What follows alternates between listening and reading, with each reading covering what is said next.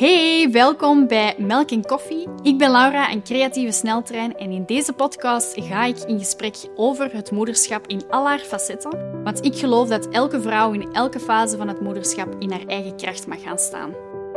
In deze afleveringen ga ik op zoek naar antwoorden met echte mama's en ervaringsdeskundigen. We zullen praten over alle fases, ervaringen en vormen van het mama zijn. Heel veel luisterplezier.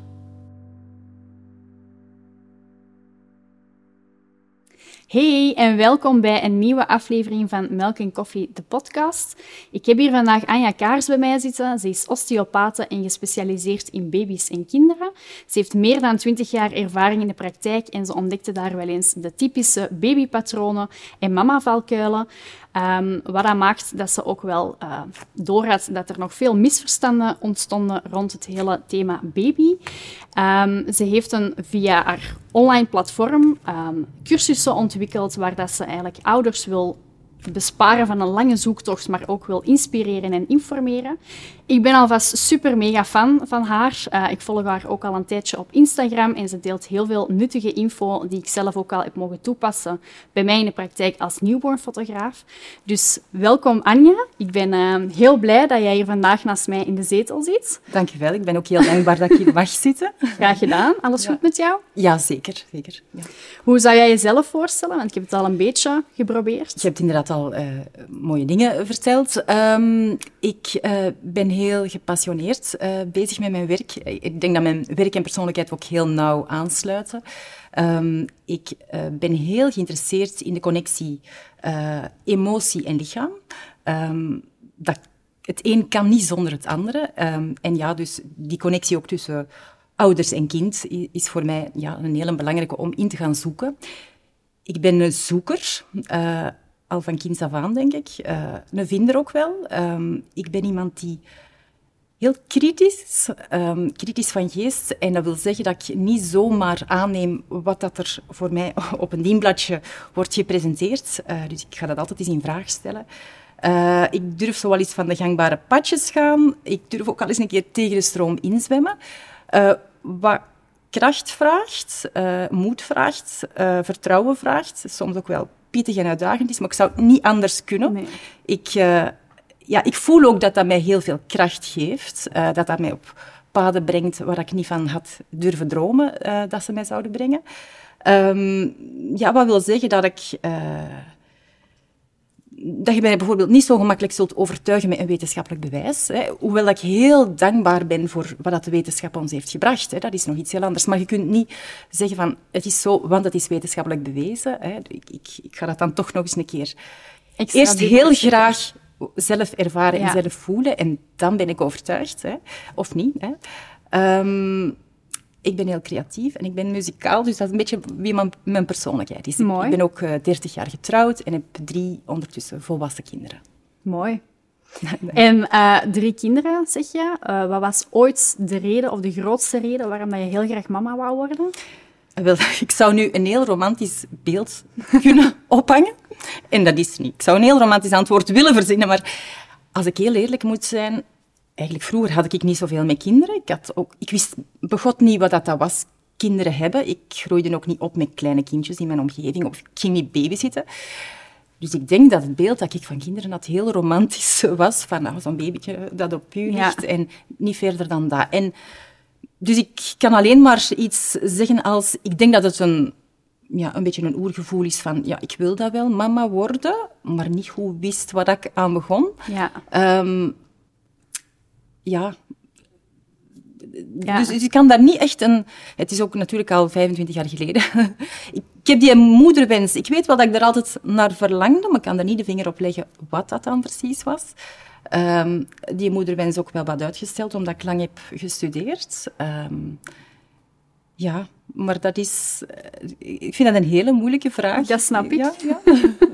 Want je hebt heel lang gestudeerd om osteopaat te worden? Ja, eerst natuurlijk vanuit de fysiotherapie uh, begonnen. En, maar daar had ik niet echt zoveel voldoening in mijn werk. Uh, dus ik, ja, ik ben een zoeker. Hè, dus, ik hou heel erg van out of the box denken, van holistisch kijken, uh, van wat zit er hier nu achter die klacht. En daar vond ik niet echt mijn ding in de, in de kinesiotherapie. Nee. Uh, dus dan ben ik op osteopathie uh, gebotst, wat al veel meer uh, mijn ding was. Um, en ehm, ik, ik, ik, ik, weet eigenlijk niet meer wat uw vraag was. Ehm. ja, eigenlijk, mijn eerste vraag was wat het de voornaamste reden was waarom dat je mama wou worden. maar je hebt dan eh, 20, meer dan 20 jaar lang ervaring in de praktijk, want je hebt dan eerst gestudeerd. Um, hoe lang, want je hebt dan 20 jaar ervaring, hoe is ja. zo een beetje de het verloop gegaan? Want ik ben heel benieuwd hoe jij ook gestart bent met uh, jouw bedrijf Happy Baby Coach. Ja, ja. eigenlijk dat, dat werken met kinderen um, is vooral vanuit mijn eigen zoektocht als mama uh, ja. ontstaan. Uh, ik... Um, ik dacht dat ik goed voorbereid was. Uh, we hadden zo wel een, een, plan in ons hoofd. En um, ik en Patrick, we gingen ervoor gaan. We gingen thuis bevallen, lang borstvoeding geven, allee, ik dan, uh, op vraag voeden. We hadden een, echt een, een, beeld in ons hoofd van hoe dat we het uh, wilden doen als ouder. We hebben dat ook zo gedaan. Uh, samen slapen met de kinderen, baby dragen. Um, we vonden dat onze westerse cultuur um, ja, soms heel raar naar baby's en kinderen kijkt, alsof dat je die zo rap mogelijk moet temmen als een wild dier, dat je temd moet worden en snel laten doorslapen en snel in een eigen kamertje en als uh, wat veel wenen geeft een tutje en dikt die melk wat in. En, hè, en zo wouden we het niet doen. Hè. Ja. En, um, maar dan kregen we uh, een kindje en uh, dat was, ik heb het geluk gehad om, om een heel mooie thuisbevalling te hebben. drie keer trouwens. maar die huilde enorm veel. En um, natuurlijk werd daar zo heel snel met de vinger gewezen van ja, maar wat doe jij nu? dat kind geeft uh, mannekik en je geeft die al de borst en uh, je verwendt die veel te veel en waarom slaapt er nu samen en je hebt die ook heel de tijd vast. En, Mhm. Dus ik voelde van, ik word hier eigenlijk... Um, er wordt getwijfeld aan mijn moederinstinct, dat voelde niet fijn. Uh, en overal waar ik ging zoeken naar hoe kan ik haar helpen, kreeg ik een soort van instant... Ja, remedie om dat kind te fixen. Hè. Zo, ja, laat ze maar eens een nacht doorwenen. Uh, geef eens een keer ingedikte melk. Hè. Dus al die fix, quick fixes eigenlijk. Ja. Uh, terwijl ja, dat dat voor mij niet de juiste weg uh, voelde. En uh, bij onze tweede, um, die er snel achteraan kwam, um, ja, waren wij nog altijd heel slecht aan het slapen en er werd nog veel gehuild. Uh, maar kwamen wij in een uh, oudergroep, die natuurlijk ouderschap ook toepaste, zoals wij. Dat had toen nog geen naam, er was ook nog geen internet. Hè. Dat ja. andere tijden. Hè. Um, dus wij kwamen daar heel toevallig bij en we dachten van, oh, eindelijk, wij worden gehoord. En die denken er hetzelfde over en die sliepen ook samen met hun kinderen en die gaven ook, hè, daar liepen ook uh, kindjes van 2,5 of 3, zoals mijn oudste dan rond die de borst uh, kreeg, of mijn tweede, uh, die de borst lang kregen. En, um, maar desondanks voelde ik dat ik heel erg op mijn tandvlees zat. Ik, wij sliepen heel slecht. Wij sliepen wel samen, zeg ik, maar wij sliepen niet. Hè. Wij lagen samen in een bed wakker. Dat is meer, meer hetgeen dat ik kan zeggen. En ik voelde van, dit is ook niet helemaal um, hoe ik het heb gezien en wat oké okay voelt. En ik voelde ook dat de kinderen daar ook niet helemaal gelukkig van werden. Mhm. Mm -hmm. um, of dat er iets was en ik kon daar de vinger niet op leggen. Dus ik bleef zoeken. En wat voor mij toen heel uh, opvallend was, ik had het gevoel dat de wereld in twee kampen verdeeld was. Je had een kamp structuur, die voor alles een quick fix hadden, maar volledig voorbij gingen aan de noden en de behoeften en de emotionele behoeften van een, een babytje. En dan had ik kamp natuur, die wel heel erg veel verstand hadden van die natuurlijke hechting en, en wat een kindje nodig heeft, maar waar ik mezelf volledig kwijt was. Ja. En, en ja, ik ook voelde dat kinderen daar niet helemaal gelukkig van werden. En ik zat daar een beetje tussen die twee kampen, uh, heel erg onzeker, heel erg eenzaam en, en, vooral heel erg twijfelend aan mijn capaciteiten als mama. En dat heeft mij de push gegeven van ik, ik moet hier iets mee doen. En op de een of andere manier, heel organisch, kwamen mensen bij mij met een kindje met soortgelijke verhalen. En, ja. um, en ik zag dat er heel veel patronen, heel veel situaties waren, ook heel veel ouders die, die andere visies en andere insteken hadden, die ook met bepaalde uh, problemen kampten. En je begint daar meer en meer patronen in te ontdekken. En ja, dan begin je meer en meer daarin je ervaringen te delen. En ik voelde dat daar gewoon heel veel nood aan was. En ja, die inzichten en ervaringen ben ik gaan bundelen. En zo ben ik met Happy Baby Coach uh, gestart. Ik denk dat je daar heel veel voldoening ook uit krijgt. Zeker als er dan een oplossing komt voor de problemen. Uh, dat je die mensen kunt helpen ook. En zeker omdat je dat dan zelf ook hebt meegemaakt of herkend. Ja, mensen voelen zich niet zo snel beoordeeld. Ja. Omdat ik soms echt wel... Uh, ja, mijn eigen twijfel, of, of, of, of, gewoon zeg van, ik heb, het, ik heb net hetzelfde gedaan, ik snap het volledig. Hè? Ja. Um, en er zijn ook geen fouten die je maakt. Je doet alles vanuit die goede intentie, als mama of als papa. Ja. Hè? Uh, dus um, ja, inderdaad, uh, ja. Allee, er is heel veel nood aan, dat voel ik. Ja, ja. inderdaad. Ik vraag mij af, hè, want we hebben het al een stukje over huilbaby's gehad. Um, heeft dat een impact, hoe dat je traject tijdens je zwangerschap verloopt, op hoe dat je babytje nadien is na de bevalling? Um, ja, absoluut. Hè. Um, we hebben heel lang aangenomen dat je als mens niks herinnert van heel die preverbale periode. Maar intussen weten we wel veel meer. Hè. Mm -hmm. uh, alles eigenlijk vanaf de conceptie de innesteling, heel de zwangerschap, de manier waarop dat je geboren wordt en ook die postnatale fase, eh, de manier waarop dat je bij je ouders mocht zijn, gehoord wordt, of dat er scheidingsmomenten zijn geweest, of traumatische geboorten, uh, gebeurtenissen. Al die zaken kunnen imprints geven in het lijfje van die baby en in mhm. heel zijn celgeheugen en in heel zijn zenuwstelsel. En Um, dan wil ik niet zozeer zeggen, al wat dat je meemaakt dat traumatisch is in onze ogen, want het kunnen ook soms hele kleine dingen zijn. Um, als je wilt, kan ik wat voorbeelden Absoluut, geven. ja, heel um, graag. Bijvoorbeeld, ik, ik had een, een, meisje in behandeling, een peutertje, en die mama die kwam uh, bij mij. En ze zegt, uh, ja, slapen is een ramp. Uh, afscheid nemen is een ramp. Ja, slapen leggen is natuurlijk ook een soort van afscheid nemen. Hè, zeker als je kind in een eigen bedje legt. Um, maar ook naar de crash brengen was een ramp. Ja. En uh, ze zei, die, die grabbelt mij vast. Uh, en die, die, die krast in mijn nek, die trekt aan mijn haar, die grabbelt zich aan mijn kleren vast. Die durft mij echt niet loslaten. Maar ook heel de nacht zit die te klauwen, te trekken, alsof, ja, alsof dat ze schrik heeft dat ik ga weggaan. Ja. En uiteraard vraagde dan na van zijn er traumatische scheidingsmomenten geweest enzovoort. Allee, we doen een hele anamnese. Um, en als we dan gingen kijken naar uh, het, het, prille begin, uh, dan bleek zij geboren met een uh, geplande keizersnede. Wat op zich al een heel heftig iets kan zijn voor een ja. kind. soms is een kind aan, het slapen en ineens wordt daar die, die een buik opengemaakt en eruit gehaald. Dat is, dat is shock. Dat is iets wat ik mij heel vaak afvraag. Want, want we, we kijken vooral naar de mama, hoe dat zij dat ervaart, een natuurlijke of een keizersnedebevalling. Maar ik vraag mij oprecht af hoe dat, dat is voor een kind. Ja. Dat is iets dat we niet kunnen controleren natuurlijk. Dat kunnen we niet controleren. En daarmee dat ik ook zeg, het is niet um, wat dat wij altijd heftig vinden dat voor een kind. Want je hebt ook kindjes die... Uh, een, een keizersnede hebben gehad en daar heel goed uitkomen. En die niet zo geschrokken zijn. Dus het is niet mhm. altijd van, oh, die heeft een keizersnede meegemaakt, dus dat is een getraumatiseerd kind. Absoluut niet. Hè. Het is wat dat op die moment wat je ervaart en wat dat je niet verwerkt krijgt in je zenuwstelsel, wat een trauma ja. wordt. Hè. Um, en voor de ene een groot en voor de ander een, een, een kleiner. Um, nu, dat was niet zozeer aan de orde bij dit kindje, maar um, toen ik vroeg naar de reden van de keizersnede, was dat omdat de placenta voorlag. Hè? Dus een, een, placenta previa, hè, noemen we dat. En als je dan gaat kijken naar um, als een, een bevrucht eicelletje, wanneer dat, dat leven begint, dat gaat hè, door die eileider, dat gaat naar die baarmoeder, dat gaat zich moeten innestelen. En eigenlijk, ja, klampt dat zich vast in die baarmoeder. Hè. Maar ja. als dat eicelletje meer en meer naar beneden gaat en uiteindelijk door die baarmoederhals zou uitgestoten worden, ja, dan is het leven gedaan.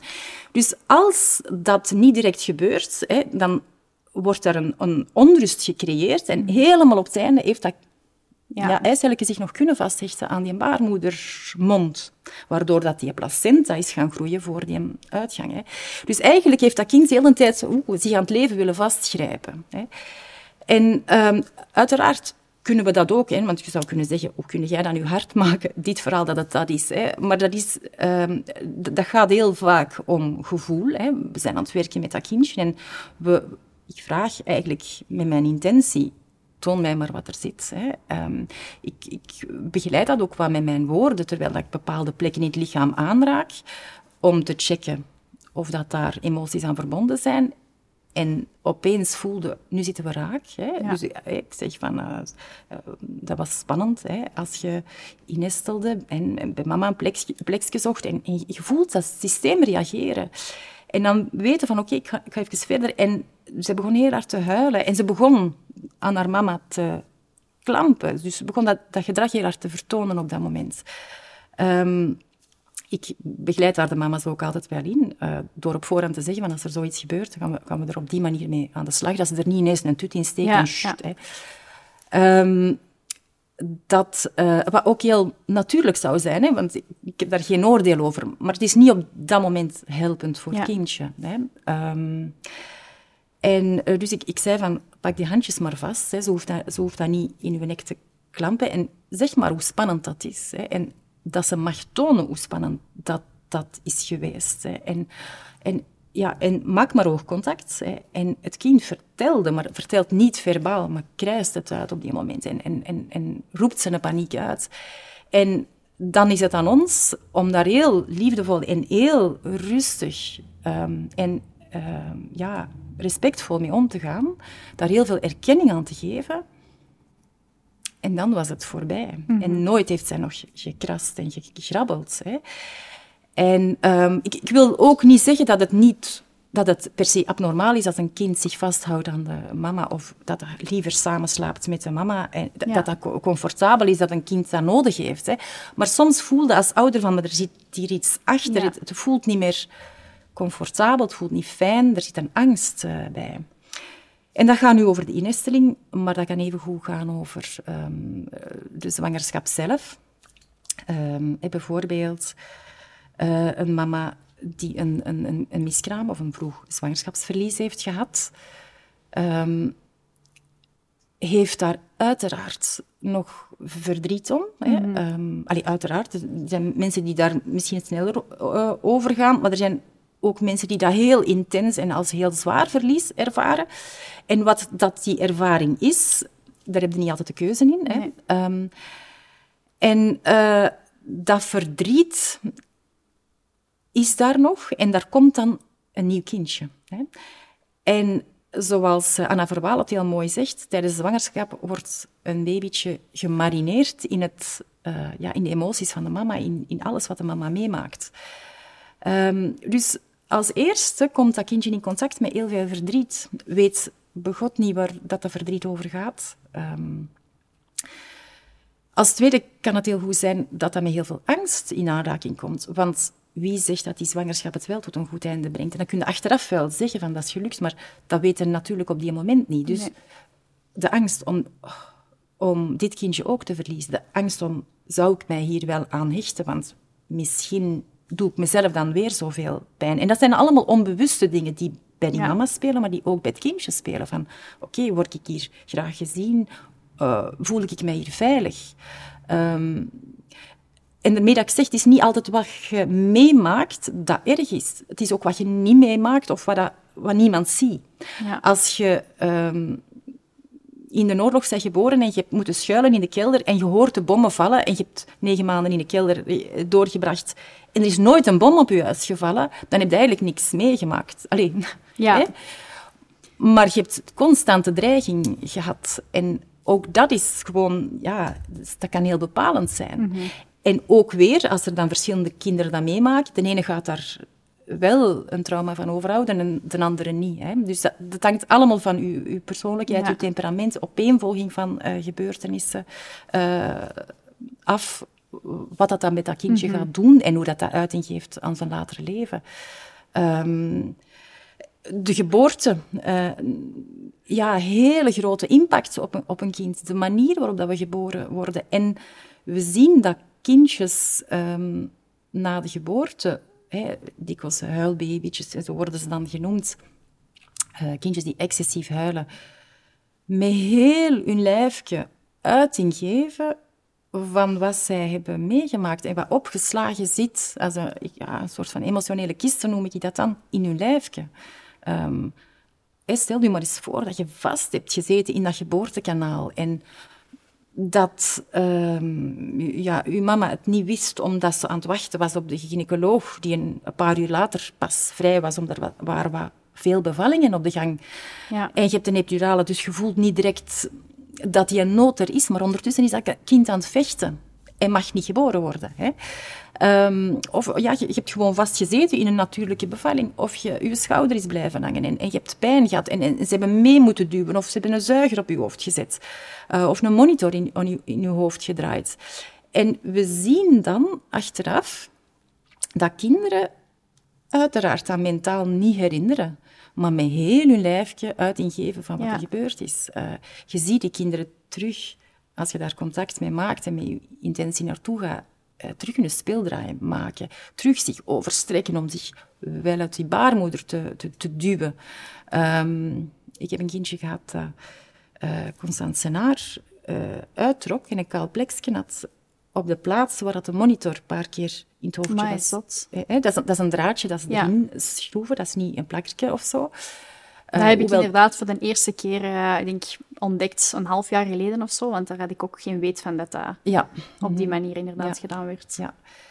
En, uh, en als dat dan nog eens een keer los, losschiet, moeten ze dat terug doen. Ja, stel je maar eens voor dat je klem zit en er is ook niemand die je een uitleg heeft gegeven van dat gaat hier nog een half uur duren. Je weet niet wat er gebeurt. Je bent eigenlijk gewoon een en al een voelend wezen dat nog niks kan mentaliseren, nog niks uitleg kan begrijpen. En het enige wat je voelt, en dan vooral je hoofd, het meest gevoelige deel van een kindje, uh, daar zit je vast. Je bent aan het vechten voor je leven en dan wordt er iets in je hoofd geschroefd. Hè. Dat is gewoon heel heftig. Hè. Ja, inderdaad. En, uh, ja, en een kindje had gewoon een kale plek op zijn, ik weet niet meer, 3,5 of zoiets nog. Uh, dus het lijf wil de hele tijd zeggen, er, er, er zit hier een, een trauma in mij. Hè.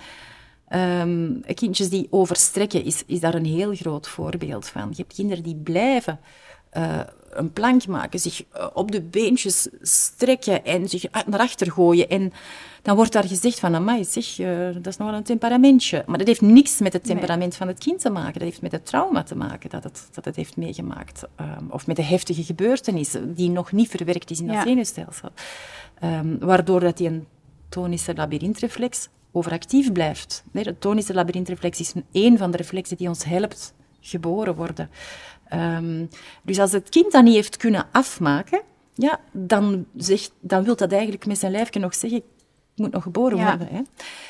En um, het lijkt nu alsof dat een, een, geboorte per definitie traumatisch is, en dat is absoluut niet. Hè.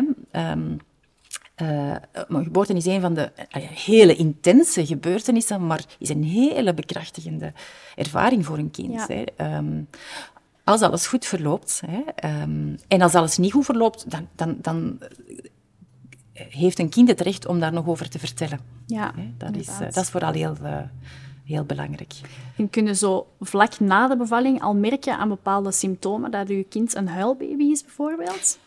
Uh, ja, eigenlijk die een term huilbaby, ik zou daar zo graag van afgeraken. Mm um, dat is een term die natuurlijk nog heel erg veel gehanteerd wordt. Um, en vroeger werd altijd gezegd, um, ja, gebruikten ze de definitie van Wessel, hè, de, de, het 333. Hè, dus als een kindje excessief huilt, zonder aanwijsbare reden, dat wil zeggen dat er eigenlijk niet direct medisch iets aan de hand lijkt te zijn.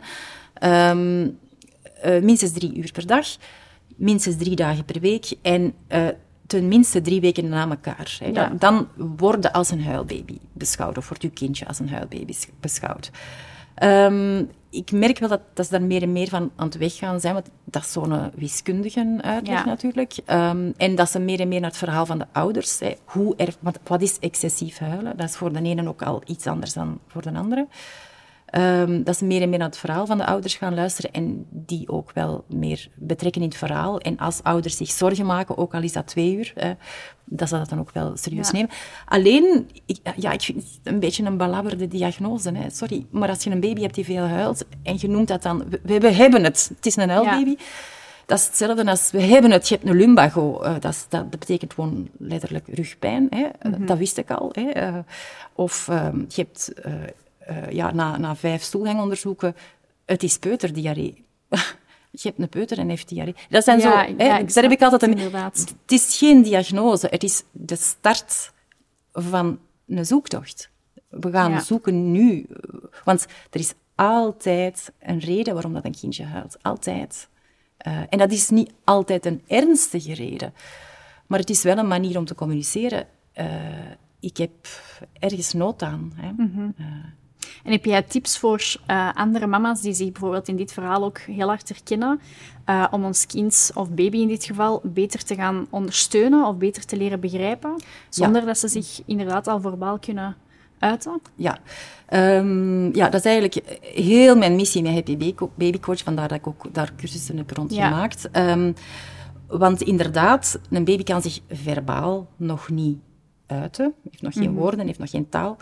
Ehm, maar die heeft wel één, zijn lichaamsexpressie. En uit de taal die het lichaam spreekt, kun je heel veel opmaken. Hè. Gaat een kind zich achterover gooien? Gaat hij naar voren krimpen? Hè? Bij, bij krampjes zie je bijvoorbeeld dat hij zich veel meer naar voren uh, ineenkrimpen of die beentjes intrekken. Ehm, Gaat je scheef trekken, dan, dan weten dat er in het lichaam ergens een, een bewegingsverlies zit. Hè. Dat je Ja. osteopathie kunt gebruiken, bijvoorbeeld. Ehm, of dat er een, een niet geïntegreerde reflex is, hè, maar ook daar kan osteopathie eh, op werken. Ehm, hè, dus de, de, de lichaamstaal om te beginnen. Eh, de manier van huilen. Hè. Als een kind eh, heel erg drukt op zijn keel, dan weten dat, dat er lucht vast zit. Dat, ja, ik wil dat altijd nadoen, maar dan meestal verslik ik mijn eigen in mijn eigen speeksel, dus ik kan dat niet doen. De- de- refluxklachten, dat is meer dat hoogschreeuw huilen met gierend inademen en zich achteruit eh, duwen met hoofdje. Ehm, als een kindje honger heeft, gaat het meer met de tong werken en, en, en klankje maken, nas, eh, nasale niet, eh, ja, tongklankje, hè, aangezet met de tong maken. Eh, dus de, de manier waarop dat de, ja, de huiltjes aangezet worden of, of, of doorgezet worden, zegt ook al vaak wat. Ehm, wat ik ook altijd adviseer, en ook al heel veel zorgverleners mee heb leren werken, of ouderen mee leren werken, is met de ritmekaart. Ehm, en eh, die, die vinden ook op de website uh, Happy Baby Coach. Vult dat in. Hè, vult in wanneer slaapt je kindje. Hè, dat zijn gewoon groene vakjes invullen. Ehm, Een wanneer- is een beetje te vergelijken met een, een, een, een dagboek of zo dat je... Ja, het is eigenlijk, eh, er staan eh 24 uur op, eh, in halve uurtjes onder verdeeld. Je, je duidt de voedingen aan, de ontlastingen aan, maar ook wanneer dat je kindje troostbaar huilt, wanneer dat Ja. je kindje ontroostbaar huilt. Eh, in relatie met de slaap. Je kunt daar eigenlijk heel veel uit opmaken, als je het gewo- gewoon eens even in kaart brengt. Hè. Eh, want wat ik merk in de praktijk is... eh, ik, ik werk daar al heel lang mee. En het is gewoon als mama of als papa heel moeilijk om te zeggen hoeveel heeft hij nu gehuild op een dag? Wanneer heeft hij nu vooral gehuild? Ehm, was dat nu een uur na de maaltijd? Was dat een half uur na de maaltijd? Was dat twee uur na de maaltijd? Zit daar een patroon in? Is dat altijd gerelateerd aan het eten of niet? Is dat meer gerelateerd aan het slapen of, of niet kunnen slapen? Dat is heel moeilijk. Je kunt dat van een dag zelf nog herinneren, maar een dag ervoor, dat is al moeilijker. En een dag daarvoor is eigenlijk al gewoon Ja. weg. Zeker als, er, als je weinig slaap hebt, als er veel gehuild wordt, je bent zo... ehm, ja, je gaat daar zo in op, Ja. dat je dat echt niet kunt bijhouden. En als je dat gewoon even zwart op wit op papier ziet, kun je er zoveel uithalen, dat dat soms ook heel geruststellend kan zijn. Ja. Dat, dat je zegt van, dat leek nu ver- verschrikkelijk veel. En eigenlijk, als je het op papier ziet, valt het nog mee en zien we er een patroon in en kunnen we misschien daar anders mee omgaan, zo en zo. En, eh, hè, ik zeg maar iets wat, wat, wat bekend is, is de wakkertijden korter maken of, ehm, of gewoon een beetje sneller voeding geven. Of, ehm, soms zijn het heel evidente dingen die je toch maar pas ziet als je het even in Ja. beeld brengt. Ehm, soms niet, maar kan de zorg- zorgverlener daar heel veel uit opmaken. Of kunnen we zien van ja, dat kindje heeft eigenlijk gewoon te weinig voeding of, of, of Ja. is hij aan het overeten. Kan ook. Hè. Ja, dan heb je de huid van het kind, zegt ook heel veel. Hè. Heeft dat een droge of schrale huid of plekjes, ja, dat- dan, dan kunnen we misschien wel eens gaan denken aan een, een overgevoeligheid op een voedingsmiddel, of dat je een darm nog niet helemaal in orde is. Eh, en dan heb je de ontlasting, waar je heel veel uit Ja. eh, kunt opmaken. Ehm, is dat eh, een, een gewone, ik zeg maar iets, borstvoedingsontlasting, zo'n goede dikke pompoensoep, hè? Of is dat een groene spuitluier? Hè? Ja. Dat zegt ook al heel veel. Ehm, en het is eigenlijk heel die puzzel samen met het verhaal van de ouders dat, ehm, dat het makkelijker maakt om die zoektocht, om die puzzelstukjes bijeen te gaan leggen en sneller naar de juiste zorg te kunnen gaan. Want je zou maar eens een keer voor hebben dat... Ja, dat je als moeder heel de tijd een dieet aan het doen bent, omdat de buurvrouw zegt, ik denk dat koemelk eiwitallergie is. Hè. En, en, ja, je zet dat maar aan het doen, maar het kind heeft gewoon een tekorte tongriem, ja. hapt slecht aan, hapt veel lucht binnen, heeft daardoor krampen. Hè. Dat is zonde. Hè. Ja, dus, uh, soms wijzen bepaalde dingen... Uh, ja, heel snel in een bepaalde richting. Maar als je dat allemaal niet weet, dan zijn je verdorie lang aan het zoeken. En die zoektocht wil ik gewoon kleiner maken. Ja. Dus, uh, ja. Nee, supermooi. Uh, wat ik bij mij heel vaak in de praktijk zie, uh, bij pasgeboren babytjes die dat dan komen voor een fotoshoot bijvoorbeeld, um, is dat er heel veel uh, krampjes zijn op het moment van de shoot. Mm -hmm. en in de meeste gevallen hoor ik achteraf dat ze dan een allergie hebben aan bepaalde melk of poeders of borstvoeding in het algemeen niet kunnen verdragen. Zijn daar zo symptomen waar dat je kunt ja, zeggen van...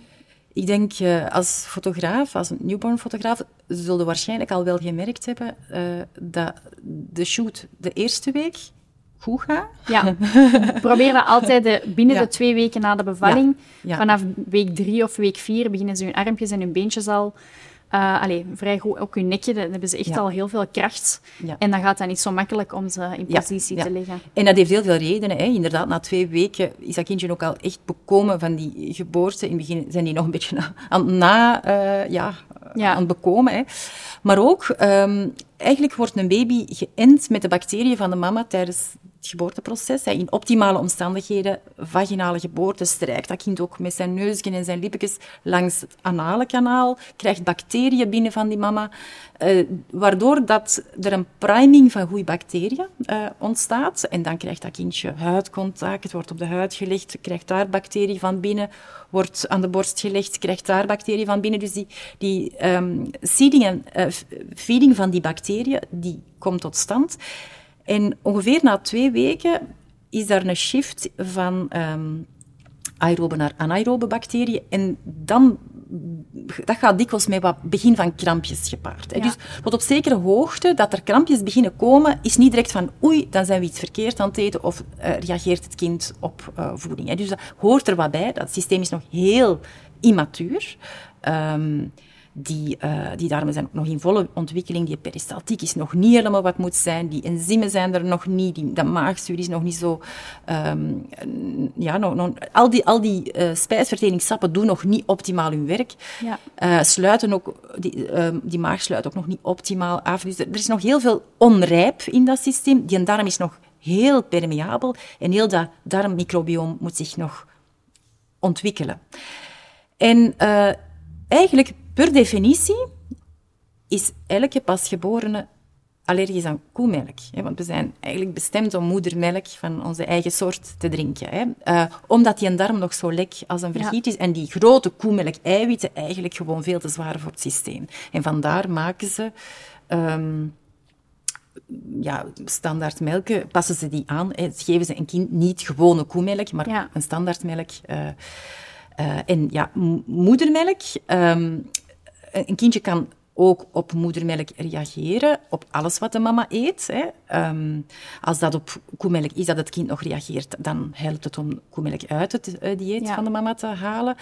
Als dat um, een lactoseovergevoeligheid is, dan helpt dan niet, want een mama maakt sowieso lactose aan.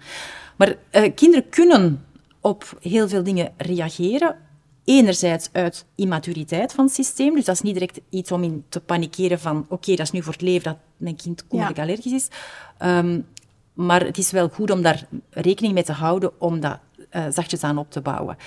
Um, het, het, uitsluiten is niet altijd zo gemakkelijk, hè, want dat was denk ik ja. uw vraag. Ik ben altijd nogal aan, aan het uitweiden.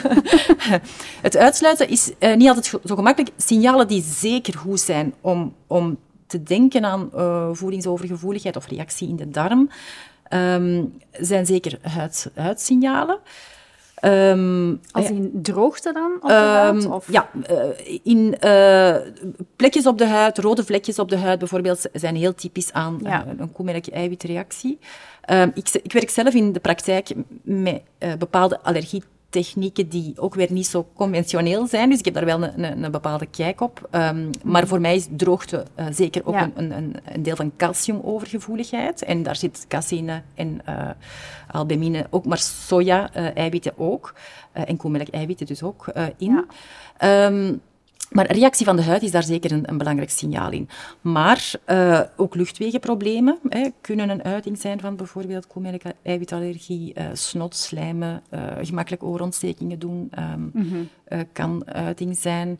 Um, en natuurlijk alle spijsverteringsproblemen, van constipatie tot diarree, tot opgeblazenheid. Um, terwijl de lactoseovergevoeligheid, dat is meer ja, gisting, opgeblazenheid, winderigheid, diarree, ja. maar dat gaat nooit constipatie geven. Nee. Um, het, het, uitsluiten is niet zo makkelijk, uh, want de, de, klassieke testen die gedaan worden, gelijk um, bloedonderzoek of uh, testen, die zijn ja, niet niet voor 100% betrouwbaar. Um, bij de hele kleintjes toch niet. Hè. Die kunnen vals positief zijn of die kunnen vals negatief ja. zijn. Dus het geeft geen uitsluitsel. Um, wat ik zou aanraden is ofwel meer in het complementaire circuit, hè, dus uh, kinesiologisch testen, uh, vega-testen, quintium-testen, bioresonantie, um, EAV-testen. zijn bijvoorbeeld, zelf in de praktijk werk ik altijd met kinesiologie, dus dat gaat iets subtieler uh, uh, testen. Geeft ook geen 100% betrouwbaarheid. Hè. Ja. Dat is een spiertest. Als ik wat harder trek of hè, iemand uh, even niet aandachtig is, dan kun je een foutentest hebben. Mm -hmm. uh, maar het is voor mij een hele ja. waardevolle. En um, als je zegt van ik wil het eigenlijk op eigen houtje of ik wil het gewoon eens experimenteren, kun je bijvoorbeeld zeggen ik ga 14 dagen echt strikt maar dan echt strikt alle koemelk laten, bijvoorbeeld, als je daaraan denkt. Of ei laten, als je daaraan denkt. Of um, ja, pinda, of waar dat je van vermoedt dat er een allergie zou kunnen zijn. Zeker als je zelf een allergische naart hebt, kun je ook ja. al iets meer um, gaan denken in een bepaalde richting. En dan na die veertien dagen een triggerdag doen en kijken hè, uh, ja. of dat er dan reactie is bij je kindje. Dat zegt ook al wel veel. Maar het is niet altijd een gemakkelijke puzzel, omdat ja. je hè, één stof gaat laten en als een kind op twee stoffen reageert, blijft een kind nog altijd last mm -hmm. hebben.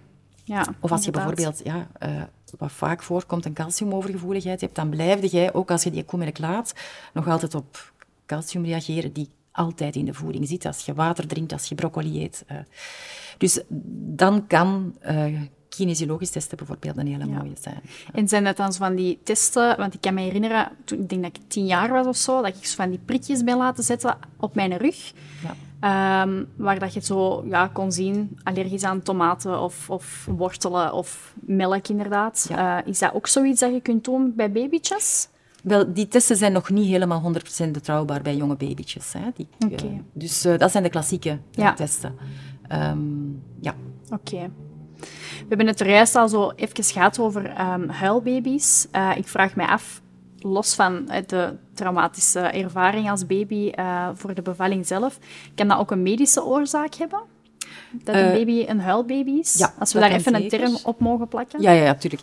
um, ja, er is altijd een reden waarom dan een baby huilt, hè, maar er kan zeker een, een medische reden zijn. Een kind kan een, um, een urineweginfectie hebben, bijvoorbeeld. Uh, een kind kan een oorontsteking hebben.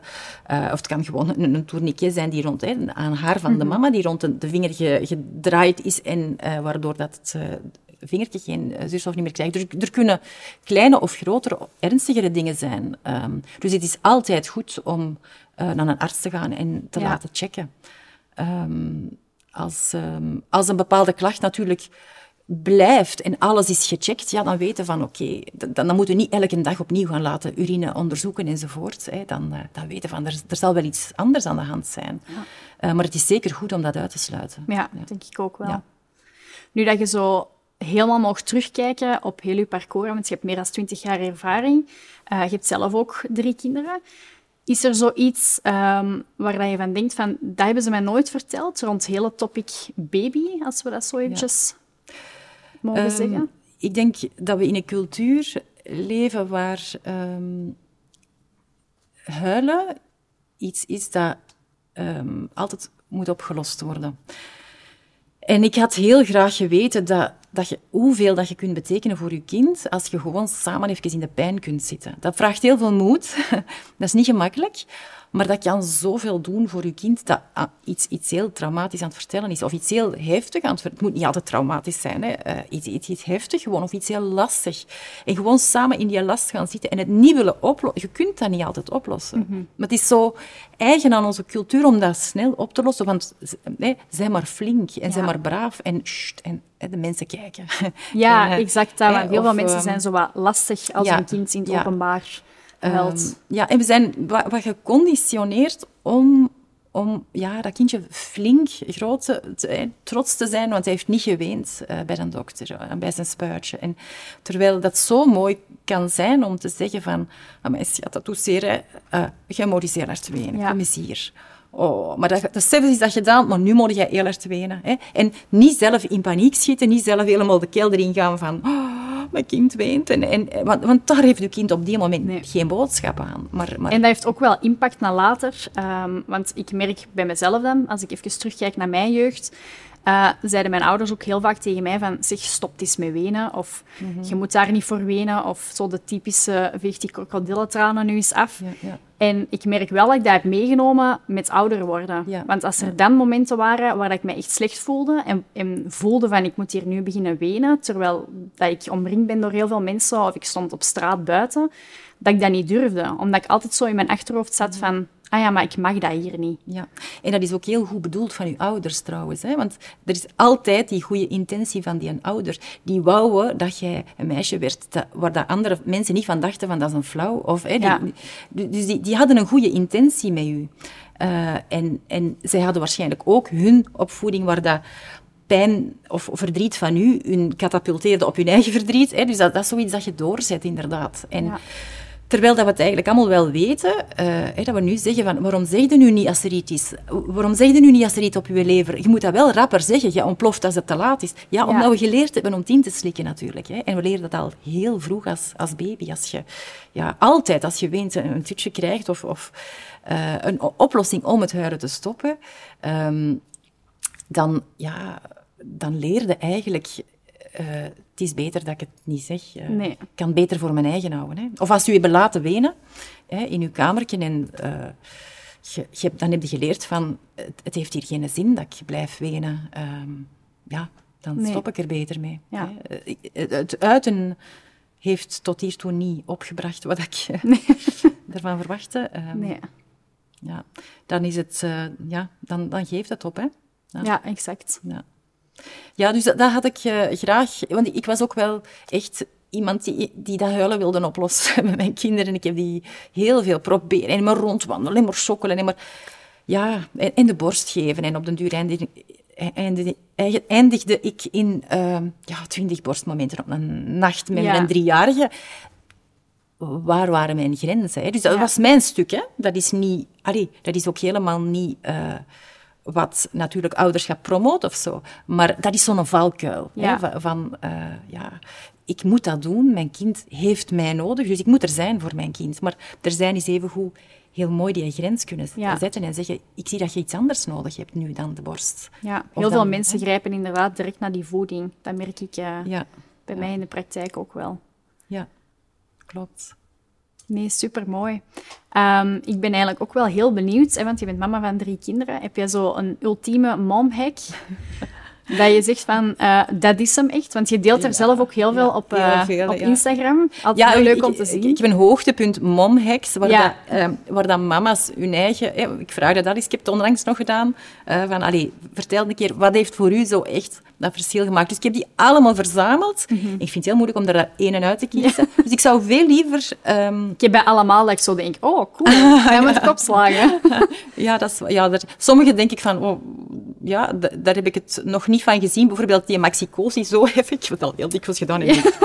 ik heb altijd pijn. Het een beetje onhandig uit, maar ja. maar ja, blijkbaar zeggen veel mama's toch dat dat, dat, dat een goeie is. Um, ik denk in de eerste plaats dat ik zou willen zeggen, dat is misschien ja, niet direct een hek, hè, maar um, dat je niet je kind gelukkig moet maken. We willen allemaal een gelukkig kindje. Hè? Uh, we willen dat ons kind gelukkig is, hè? lekker in zijn velletje zit. Eh, maar het is niet uw taak om, om uw kind altijd instant gelukkig te maken. Veel schoner is om voor te doen dat je zelf gelukkig bent. En uh, dat zou ik zo graag aan mijn jongeren zelf willen zeggen. Ik was maar aan het fixen en aan het pleasen en aan het... Aan het oh, als ze maar gelukkig zijn. En eigenlijk liep ik mezelf zo voorbij. En wat heb ik dan getoond? Hè? Ja, dat is niet het beste voorbeeld nee, altijd. Hè? Inderdaad. Um, maar als, ja, als ik iets vaak zeg aan uh, ouders... Um, ik zie dat ze vaak struggelen um, met wat de omgeving denkt. En wat, ik weet nog niet helemaal wat mijn visie is, maar ik krijg wel honderden één visies van anderen. Hè. En gewoon de zin als iemand vraagt, waarom doe je dat nu? Of waarom, waarom geef je nu weer de borst? Of waarom geef je niet, niet de borst? Of wat dan ook. Dat je zegt, omdat dit voor mij op dit moment werkt. Ja, mooi. Stop. Want dat, dat, geeft u ook nog altijd het recht om van mening te veranderen. Hè? Dat, als jij zegt van, ik geef altijd de borst als mijn kind erom vraagt, op dit moment werkt dat voor mij. Ja, wie ben ik dan om te zeggen, ik zou dat niet doen? Als dat werkt voor u. Hè? En dan kun je ook nog altijd zeggen, op een bepaald moment vond ik dat wat veel werd en voelde ik van, ja, je hebt precies iets anders nodig, dus ik ga daar mijn grens in stellen. En wel, dan is dat heel goed, dan is dat op, op dat moment wat dat voor u werkt. Hè. Dus gebruik die zin gewoon en dan kun je, hè, moederschap, dat is gewoon een avontuur waar dat je gesmeten wordt. Hè. Eh, je moet gewoon echt zelf de weg zoeken en soms loopt er eens iemand met je mee. En soms gaat iets van het padje af en soms probeert je iets. En je moogt proberen en je moogt experimenteren en je moogt vallen en je moogt opstaan. En dat is juist gewoon wat dat, heel, dat, dat avontuur mooi maakt en je op plekjes brengt waar je van dacht dat je ze nooit zou zien. Um, maar je moet heel goed bij jezelf blijven. Ja, dus you do you. Ja, die echt, een hele mooie is. Ja, en hoe, hoeveel expertise mensen ook hebben, als het niet resoneert met wat jij zegt, ook wat ik zeg, als dat niet resoneert, laten vallen. Ja. ja. Dat, is, dat is gewoon de, de allerbelangrijkste. Dit werkt voor mij op dit moment. Ik denk dat heel veel uh, mama's zich hierin gaan herkennen ook. Uh, ik denk dat dat een hele mooie is om ook mee af te sluiten. Um, ik ben ook wel heel benieuwd. Um, zijn er nog bepaalde tips dat je nog extra kan meegeven um, aan mama's? Of, uh, ja, ja, heel veel. Heel veel maar de, de, dan, dan, dan zou dat iets specifiek moeten vragen. ja, ik heb... Uh, ik heb daarvoor mijn cursussen ontwikkeld. Want ja. de ene vraag is de andere niet. En wat dat een ene baby nodig heeft, is iets heel anders dan wat dat een andere baby Vanaf nodig heeft. Vanaf welke leeftijd starten jouw cursussen? Um, eigenlijk, ja, ik heb het, het, Baby Basics traject. Dat is eigenlijk uh, iets dat heel veel mama's tijdens de zwangerschap al volgen, maar ook vanaf pasgeborenen. En dat gaat over het eerste levensjaar, al de dingen die ik eigenlijk had willen weten. Um, maar ik heb ook cursussen, zoals de slaapcursus uh, voor, voor kindjes tot vier jaar. Ja. Ik heb een uh, soppen met fopspeen en duimcursus tot acht jaar. Dus het, het is een beetje ja. gevarieerd. Uh, maar vanaf de geboorte eigenlijk. Oké. Ja. Misschien dat je aan de luisteraar ook nog eventjes kan meegeven waar dat ze jou kunnen vinden. Hoe kunnen ze jou contacteren als ze bepaalde vragen hebben um, na het luisteren van de aflevering? Ja, uh, je kan mij vinden zowel op uh, de social media kanalen, um, Instagram, Happy Baby Coach, Facebook Happy Baby Coach. Uh, de website happybabycoach.com. Super ehm, makkelijk. Um, dus het is, ja, het is eigenlijk heel, uh, heel ja. makkelijk. Um, en daar kun je kijken wat dat, uh, het aanbod is. Oké, okay, okay, goed. Dankjewel om hier vandaag uh, bij mij te zijn en uh, om uw verhaal te doen. Ik denk dat het heel interessant was, uh, ook voor jou als luisteraar, om herkenning te voelen. ik denk dat dit een hele veilige plek mag zijn voor veel mama's. En zoals gezegd, als er nog vragen zijn, bij Anja moet je zijn. Ik ben echt mega fan, maar ik denk dat dat al wel duidelijk was. En dan zie ik jou heel graag terug in een volgende aflevering. Bye bye! Dankjewel voor het luisteren of kijken naar deze nieuwe podcastaflevering van Melk en Koffie. Ik ben heel blij dat jij er vandaag opnieuw weer bij was. En mocht je een review willen achterlaten of iets willen delen in jouw stories of op social media in het algemeen, zou ik dat heel leuk vinden, want dat zou enorm veel voor mij betekenen. Je kan mij vinden op Instagram, at melk en koffie. En dan heel graag tot de volgende keer. Bye bye!